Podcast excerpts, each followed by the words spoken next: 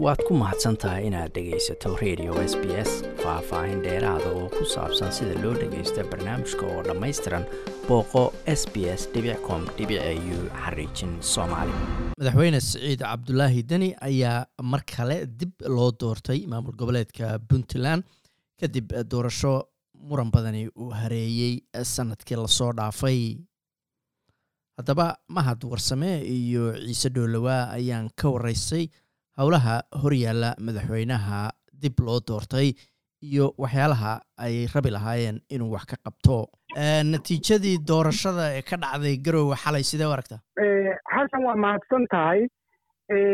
Dee markaan dhinac ka fiirshana waxaan tiraahdaa ilaahay mahadii weeye inaan meesha lagu diriirin oo dagaal ka dhicin oo arrintii soo afjaranto oo ay si nabada ku soo dhammaato. Laakiin haddana waxaan arkaa in utumo badan ay ka tagtayoo systemka ruuxiisa in la korobtgareeyo oo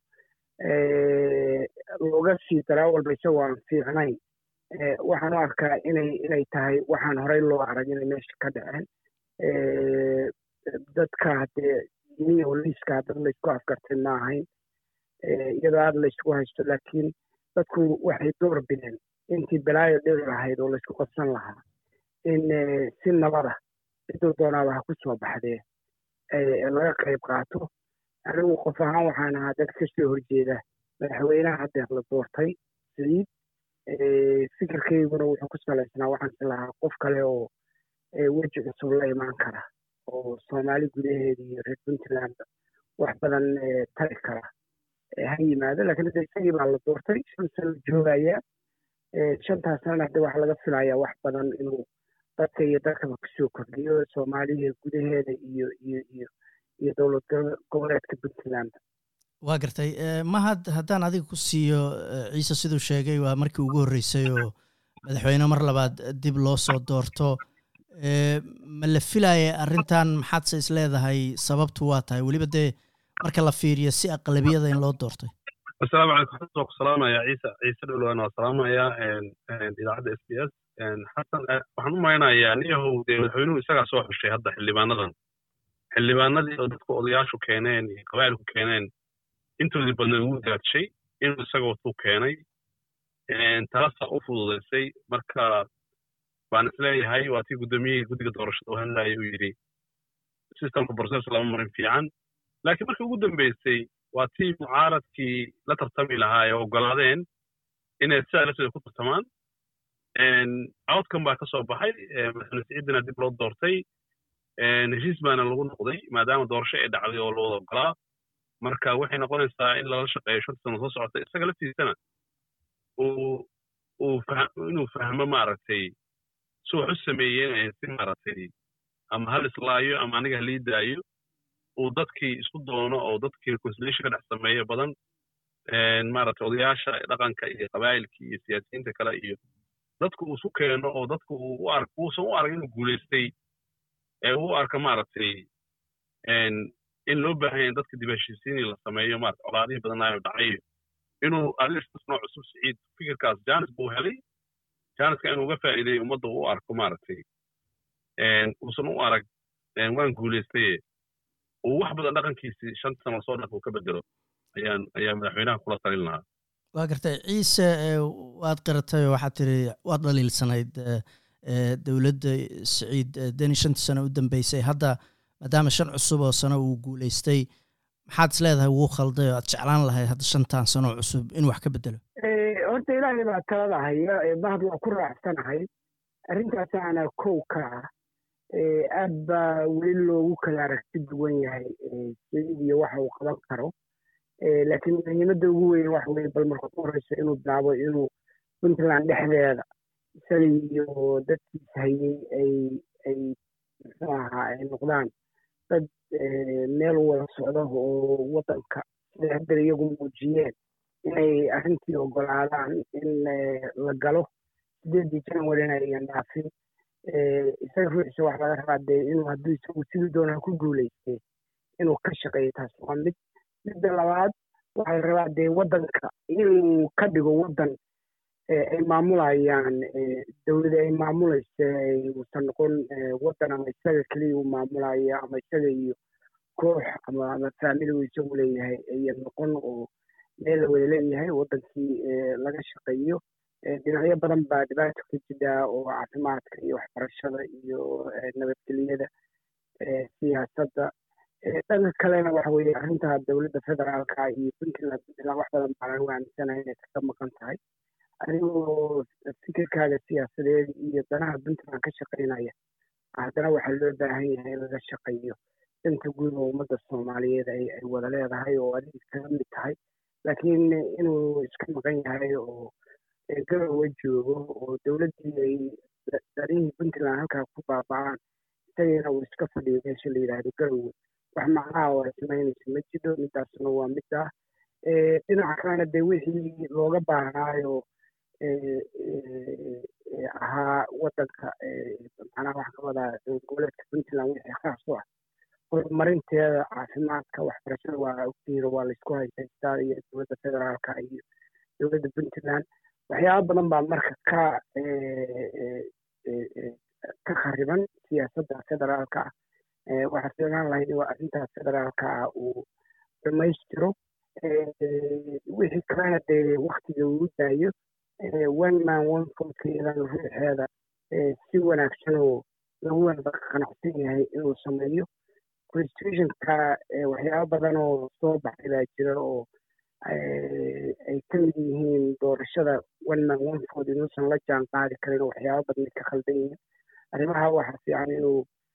constituency assembly intuu sameeyo. Constitutionka wax laga bedelo oo loo sameeyo mid la jaan qaadi kara one man one man one vote siduu u dhici lahaa oo waddanka uu siyaasad aan corruption ku salaysnayn oo hadda innaga waa dadku waa wada og la wada ogyahay lacagaha dadku ay baxsheen si ay iyagu u noqdaan madaxweynaha isaguu ka mid yahay. Lacagaha la baxshay iyo sida loo baxshay in arrintaa laga saaro oo dadka shacabka ah la weydiisto codka oo ciddii markaa ku soo baxda iyadoo la hagaajinayo la sameeyo mahad ciise arrinta federaalku ka dhawaajiyey oo waxaad moodaaba dad badan oo shacabka reer puntland markaad weydiisid sababaha ay dani ku taageerayeen inay ka mid tahay xataa sida. Wada shaqayn la'aanta ama sida uga soo horjeedo arrimaha federaalka maxaad is leedahay wuu ka bedeli karaa hadda shantan sano cusub markay noqoto arrimaha federaalka? Aniga waxaan is leeyahay si loo baahan yahay inuu bedelo federaalka si ula macaamilayay oo maaragtay oo u ekeed arrin personaal ah oo ka dhalatay doorashadii federaalka oo dhacday inuu arrintaa joojiyo danaha waddankana soomaaliya guudna fiiriyo danaha puntlandna fiiriyo. Sababtoo ah puntland federaalka wax badan baa uga maqan mashaariic baa uga maqan developmenta uga maqan inuu arrimaha dadka uu matalayo uu eego personal bandeeto isaga iyo ka dhexaysa xasan uusan uusan madaxweynaha soomaaliya ka dhexaysa uusan uusan priority ka dhigan. Hadda fresh ee waxaa la siiyey janis inuu dowladda federaalka la heshiiyo la shaqeeyo jack and balancing dowladda federaalka uu sameynayo inuu soo celiyo. Dowladda federaalka lafteeda waxaa umalaysaa inuu inay iska noqoto meel central system ah maadaama uu saciid iyo coalitionkii always wada shaqayn jiro sida jubbaland iyo puntland iyo manage gareyn waayo inuu isku hayo dadkii waxyaala ka dhashay doorashadii la soo dhaafay. Marka inuu madaxweynaha waxaa la rabaa inuu inuu u fekero qarankana inuu shaqeeyo dowladdii soomaaliya ee shaqayso oo lala shaqeeyo dowladda oo la garab istaago waxyaalaha ay sharciga waddanka iyo iyo iyo systemka waddanka khatarta ku gelinayaanna laga qabto. Marka in lala joogo oo lala shaqeeyo oo dadka kale soomaalida iyo dowlad goboleedyada kalena laga dhaadhiciyo wixii dowladda ku khaldan tahay sax ma aha sida hadda parliamentary systemka ka guurayna waddanka uu yahay iyo federal systemka ka guura xasan uu holahan uu wado in hoolahaasoo kale uu qayb ka ahaado hadda puntland baa la sugaya la yidhi isagaa isagaa hadda soo laabtay inuu ka shaqeeyo mashaariicda ka shaqeeyo oo maaragtay baahida puntland u qabto developmentiga iyo ay dowladda federaalka xiriirka leeyihiin inuu xiriirkan wanaajiyo wixii sharci darra'ana uusan aqbalin laakiin uu dee tiam dhiso isaga la shaqeeya oo dowlad goboleedyada kale ah oo interest soomaalida guud uu dadka tuso kuwa dhahayana federal iska dhe federal waxba kama qaadayo. Sababtoo hadda waa joogay federaalna xasanna waa suu doon u soconayay hadda daa fiirisid intuu joogay xasan labada sano ugu dambeysay. Waxa waaye isaga wax kasta qabanaya isaga wax kala duulaya adduunkan isaga la macaamilayo cid u joojinayna ma jirin waxaana keenayaa is leeyahay haddii la heli lahaa coalition hase yidhaahda madaxweyne arrintan sidaan sharci ma aha. Talada dalkoo lagula leeyahay. Talada wax naga sii haddii uu jiri lahaa ninkii samayn lahaa oo arrintaas liidgarayn lahaana waa isaga. Marka waxaan kula talinahay madaxweynaha siciidani inuu dowladda federaalka la shaqeeyo wixii saxa kula shaqeeyo wixii khaladna uu dad annada dowlad goboleedyada kale uu ka dhaadhiciyo maarata inaysan waxaan cidna maslaxad ugu jirin dalka maslaxad ugu jirin federaalka inaan colaadina maa federaalka wixii ku saxan inaan kala shaqeyno wixii ay ku khaldan yihiin inaan ka tala dhiibanno dad kaloo soomaali ana aan ka dhaadhicinno dhahno waxaan wax saxa ma aha taasaa lagu shaqeyn jira waagi hore waa gartay ciise federaalka laftigaagu waad ka soo la soo shaqaysay adoo puntland matalaya marka ma la dhihi karaa arrin personaala ma ahane weligeed madaxda puntland iyo federaalku waa isqaban jireen marka deni ma aha dhibkuye waa sistemka soomaaliya ay samaysatay iyo federaalkii oo aan weli caga ku taagnayn. Marka wax gaaro hadda lagu eedeyn karo deni ma aha in xiriirka puntland iyo iyo federaalku uusan fiicnayn. Waa jirtaa in dowlad goboleedyada dadkii madaxa ka soo ahaa cabdi allahu naxariiste marka laga soo bilaabo cabdiraxmaan cabdiweligaas iyo hadeer siciida mar walba laysku hayey fikirka siyaasadeed oo dowlad goboleedyada iyo dowladda federaalka ay awoodaan siday u kala qaybsanayaan waa run way jirtay. Laakiin mar walba iyagu waxay kaga duwanaayeen siciid albaabkii buu xiray. Totally waana iska gooyey. Marka waxa fiican adigoo taada sheeganaya mahad waa ku dhacsanayo adigoo taada fikirkaada iyo aragtidaada sheegaya oo dadka kala qancinaya oo iyaga ruuxooda u tusaya intan ugu jirto baa waxaa loo baahan yahay in arrimaha noocaasa la sameeyo. Siciid anigu i don't believe horta sideedaba anigu wada waxaan ka mid ahaa saan sheegay dadka fikriyan qaba qabayna siciid inuusan danay ugu jirin inuu puntland madaxweyne ka sii ahaadee loo baahaya qof kale cusub in la keeno. Haddeerna way u adag tahay siciid aqoonta aan u leeyahay inuu iska bedeli doono laakiin haddee waxaynu rajeynayno rajo ku nool baa leeyahay waxaan rajeynaynaa siciid sidii hore ahaa inuu iska bedelo siyaasad furfuran iyo nin muxuu ahaa aan dadkii arkayn oo dadkii ilan dadkan haddeer soomaalida ay dad madaxweynahooda raba inay problemkii haysta ugu tagaan weeye haddii wax jiraan kala hadlaan tala siiyaan waa loo baahan yahay inuu noqdo saasaa termkan keliya baa u haray two term keliya baa constitutionka ogol yahay inuusan isagu haddeer intuu markuu yimaado constitution ka bedelo oo yidhaahdo intii la doono baa qofku joogi karaa. Inuusan ka dhigin termka u haray uu wax badan iska bedelo. Hadduu soomaaliya federaalka aadayo iyo hadduu meel kale aadayo hadduu dana inuu ka shaqeeyo laakiin labadaa waxyaabood puntland oo wax badan ka qabto iyo wixii kaga maqan dowladda federaalka ah systemkeeda inuu u gogol fadhiisto wixii uu ka qaban karana uu ka qabto wixii uu ka qaban waayana lala arko isagoo aan innaba ka yeelayn ma garatay? Oo isagu lehay anaga saanaan ku heshiinay constitutionka saasaa ku qoran mana yeelayo. Laakiin uu miiskii fadhiyo wax ku qaybsanayo oo ku murmayo oo dadka kale sida wuxuu arko u tusaya ayaa ayaa loo baahan yahay. Marka waxaa rabaa inuu isagu dadkana tuso kana hadlo uusan aamusin dadka kale oo hadde ay gudiga ku wada jiraan oo dowlad goboleedyadaana uu tuso oo yidhahdo waxaanaa khaldane waxaan inooma cuntantee aniga keliya ma rabe waxaanaan anigu ka hadlayo kulligeena wada rabna oo idinkaa la rabaa inaa wax ka qabataan. Socda dhoweeyo madaxweynaha haddeer meesha jooga wixii dhacay waa dhaceen new bage uu furo oo yidhaahdo wixiina dhex maray aan iska raali gelino aan dadka iyo dalka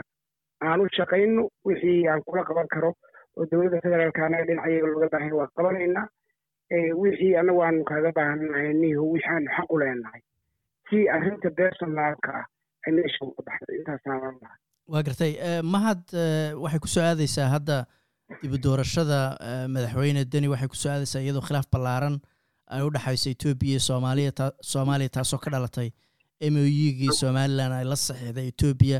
puntland dabcan waa maamul goboleed federaalka hoos yimaada. Laakiin maxaad is leedahay deni tallaabadiisu ama hadalkiisu ama arrintan markay noqoto ku aadan waa tahay? Wallahi arrinta inuu dowladda federaalka uga dambeeyo garab istaago. Waa maqlaya etoobiyaanka kaabiin ka wada dowlad goboleedyada oo taageero ka raadinaya. Marka inuu intuu xasan baasaysaana etoobiya ku taageer arrintaa khatar weeye dadka puntland waa ka dagaalami doonaan oo waxa weeye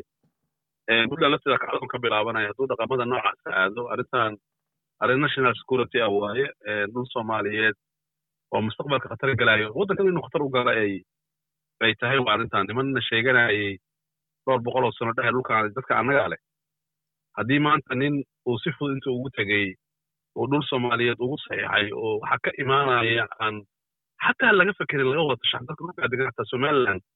aysan talada wax ku lahayn oo aysan ka tashan oo aysan ka fekerin dhibta taagan waxay tahay qof baa keligii iska dhaqaaqaya wuxuu doono samayn karaa.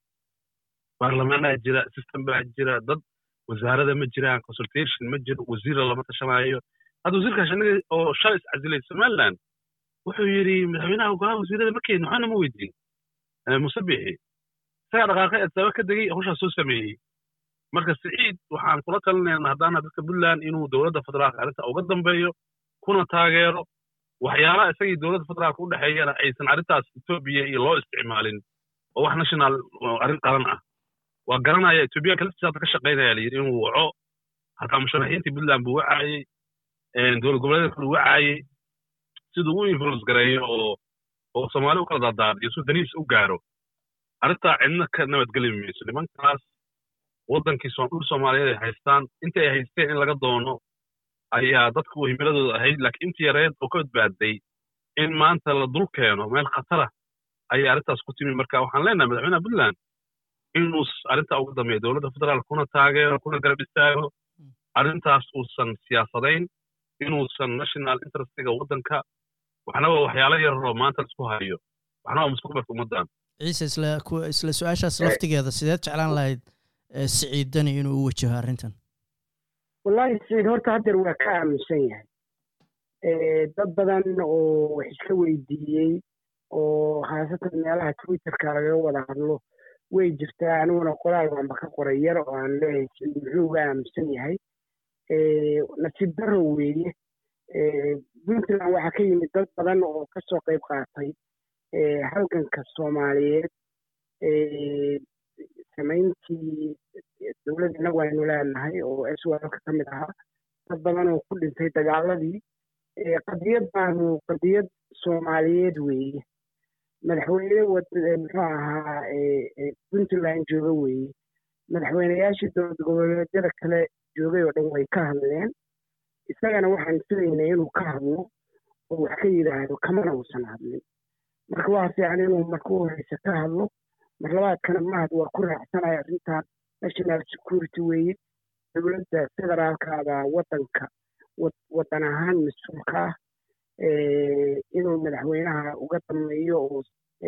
waxba ka dhibin mayso inuu yidhaahdo waddankan soomaali baa leh cid qaadan dhaana ma jiro waa iska garan karaa sida ra'iisul wuxuu wataa barnaamijyo imaaraadku ay hadda ku qaadanayaan. Meel puntland ka mid oo boqol sano ay doonayaan in loogu saxiixo marka waxaa laga yaabaa inuusan isku furin albaab kale oo jahlow lagu eedayn karo intuu eedayo middan anigu waxaan oran lahaa siciid arrintaana ka hadal muhiimad gooniyana sii. Soomaali oo dhan baa u jeeda puntland oo layska weydiinaya wax mana fiicna dhaqanka waxaan u lahaan jiray oo ah soomaali dhisadeeda iyo soomaali halgankeeda iyo soomaali daryeelkeeda dadkii ahaa inay laanta ka aaminsan yihiin ayan waxba ka oran arrintaa waxaan is leeyahay siciid waa ku qaldan yahay waxa fiican inuu hadlo oo wax ka yidhaahdo. Meela looga soo wada jeesto soomaaliya oo dhan baa haddeer somaliland baa khatar ugu jira inay ku baaba'do. Innaguna waynu ka aamusannahay marka siciid waa la doortay isagoo xeerinaya xiriir ka dhexeeya soomaaliya iyo etoobiya khaasatan puntland iyo kilinka iyo iyo dowladdaba inuu wixii uu karaankiisa ka oran karo oo iyada hufan inuu ka yidhaahdo baa loo baahan yahay arrintaas waa arrin iyo kama dhibcaan ah oo soomaaliya oo dhan u baahan tahay inay meel uga soo wada jeesato. Waa garta ugu dambeynta hal hal daqiiqo kelmaddiina u dambeysa mahad maxaad jeclaan lahayd in muhiimadda ugu muhiimsan ugu weyn ama priority uu ka dhigto siciidan shanta sano soo socaysa. Hal daqiiqo. Horta waxaan ku talin lahaa golo wasiirada oo macquula oo shaqaynaya oo fiican inuu puntland u magacaabo. Shaqadoodana uu ku ixtiraamo la shaqeeyo madaxweynuhu waxaa la rabaa dadka inaad ixtiraantid. Bini aadanka dignitigooda iyo sharaftooda wax ka weyn male kaanu dadka sanadka hore doortaan ahaa. Laakiin dhaqamadii dambe aan arkay waxyaalaha sida hadda ciise maaragtay isbeddelkan aad u jeclaa inuu yimaado. Laakiin haddana hadduu soo laabto dhibaato male laakiin inuu dhaqankaa bedelo golo wasaaradeed oo shaqaynayo effectiva inuu u keeno dadka waddanka u magacaabo marka hore kadibna dadkii grievansiga qabay isimadii dhaqanka dadkii kuraasta laga boobay sharaxiintii dadkii oo dhan inuu engage gareeyo colaadaha gudaha ka jira uu marka hore hagaajiyo dowladda federaalkana si wanaagsan ula shaqeeyo engage gareeyo waxay ku saxan tahay inaan ku garab istaago sida arrintan hadda aan ka hadlaynay oo kale khatarta etoobiya ka imaana dhulka in la wada ilaashado dowladda federaalka uga dambeeyo ugu yaraan uu yidhaahdo sha howl federaala waaye howl ma aha ay dowlad goboleed shaqol ku leeyahay. Hadduu dowladda federaalka bareeri kara uu garab istaagi karo inuu bareero garab istaago saada ciise sheegayay anigu waxaan qabaa doorkaas boontaan is leeyahay gudaha inuu grievansiga dadka dhex jira iyo colaadihii dhacay iyo khilaafyadii dhacay uu dhammeeyo dowladda federaalkana si fiican ula shaqeeyo. Waxyaalaha dowladda federaalka hadda madaxweyne xasan sheekh uu ku qaldan yahay sharciga waddanka in dabad u taagana. Uu arrintaas yidhaha sax ma aha oo hadda siyaasiyiin badan oo reer muqdisho iyo dowlad goboleeda qaybtooda iyo ka hor imaadeen inuu arrintaas madaxweynaha culeys ka saaro uu yidhaahdo macquul ma aha. Labadii shay lagu heshiiye ahaa parliamentary system iyo federal system. Waddanka ha laga guuriyo constitution ha la bedelo waa arrin ishaas tolanayo kale waa xasan laftiisa markaa marka arrimahan inuu hor istaago intuu hor istaagi karo oo ka shaqeeyo dadna u dhiso coalition waa garta ciise hal daqiiqa adigana maxaa priority ku ah? Aniga waxaan is leeyahay kama fogin mahad laakiin hal mid baan ku soo dari lahaayoo